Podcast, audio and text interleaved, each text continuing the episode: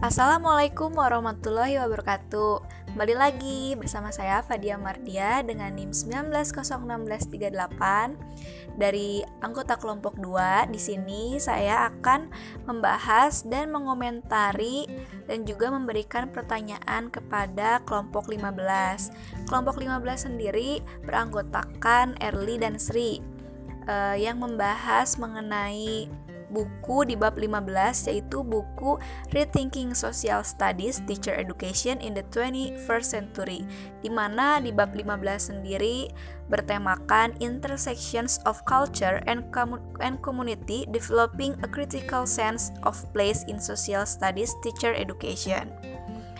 Uh, pertama di sini saya akan membahas mengenai podcast yang di paparkan. Pertama, Erli dan Sri sudah baik dalam penyampaian materinya.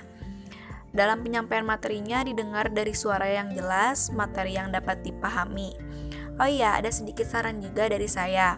Kan ini bukunya memang berbahasa Inggris. Mungkin sebelum disampaikan judul buku maupun bab yang akan dibahas, bisa terlebih dahulu dicari bagaimana cara pengucapan yang benar e, cara pengucapan bahasa Inggris yang benar karena jika kita sering berlatih lama-kelamaan menjadi terbiasa dan bisa.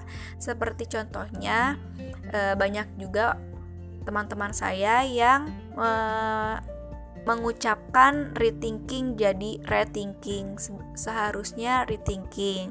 Rethinking social studies teacher education in the 21st century. Intersections of culture and community developing a critical sense of place in social studies teacher education. Meskipun bahasa Inggris saya belum sempurna Uh, tetapi kita bisa belajar terlebih dahulu di Google Translate cara pengucapan yang benar uh, karena kalau misalnya kita sering belajar dan dilatih kan menjadi terbiasa dan bisa juga yang kedua, saya akan membahas mengenai salindianya. Salindianya sendiri sudah menarik dan berwarna. Maksudnya maksudnya berwarna yaitu warna yang dipilih cerah. Istilahnya sih sekarang eye catching.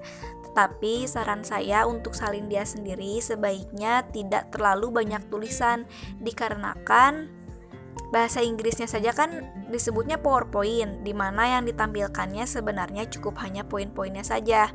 Tapi itu balik lagi ke selera si pembuat. Saya hanya menyarankan saja. Yang kedua, yang ketiga materi yang disampaikan yaitu tentang persimpangan budaya. Memahami karakter setiap orang, berusaha e, pendidik berusaha menyesuaikan diri di sekolah saja tanpa melihat lebih detail lingkungan siswa tinggal. Nah, saya sangat setuju di mana pendidik harus uh, menyesuaikan diri terhadap siswa karena uh, karena lingkungan siswa tersebut mempengaruhi karakter uh, siswanya. Jadi pendidik tuh harus menyesuaikan diri terhadap lingkungan si siswa tersebut.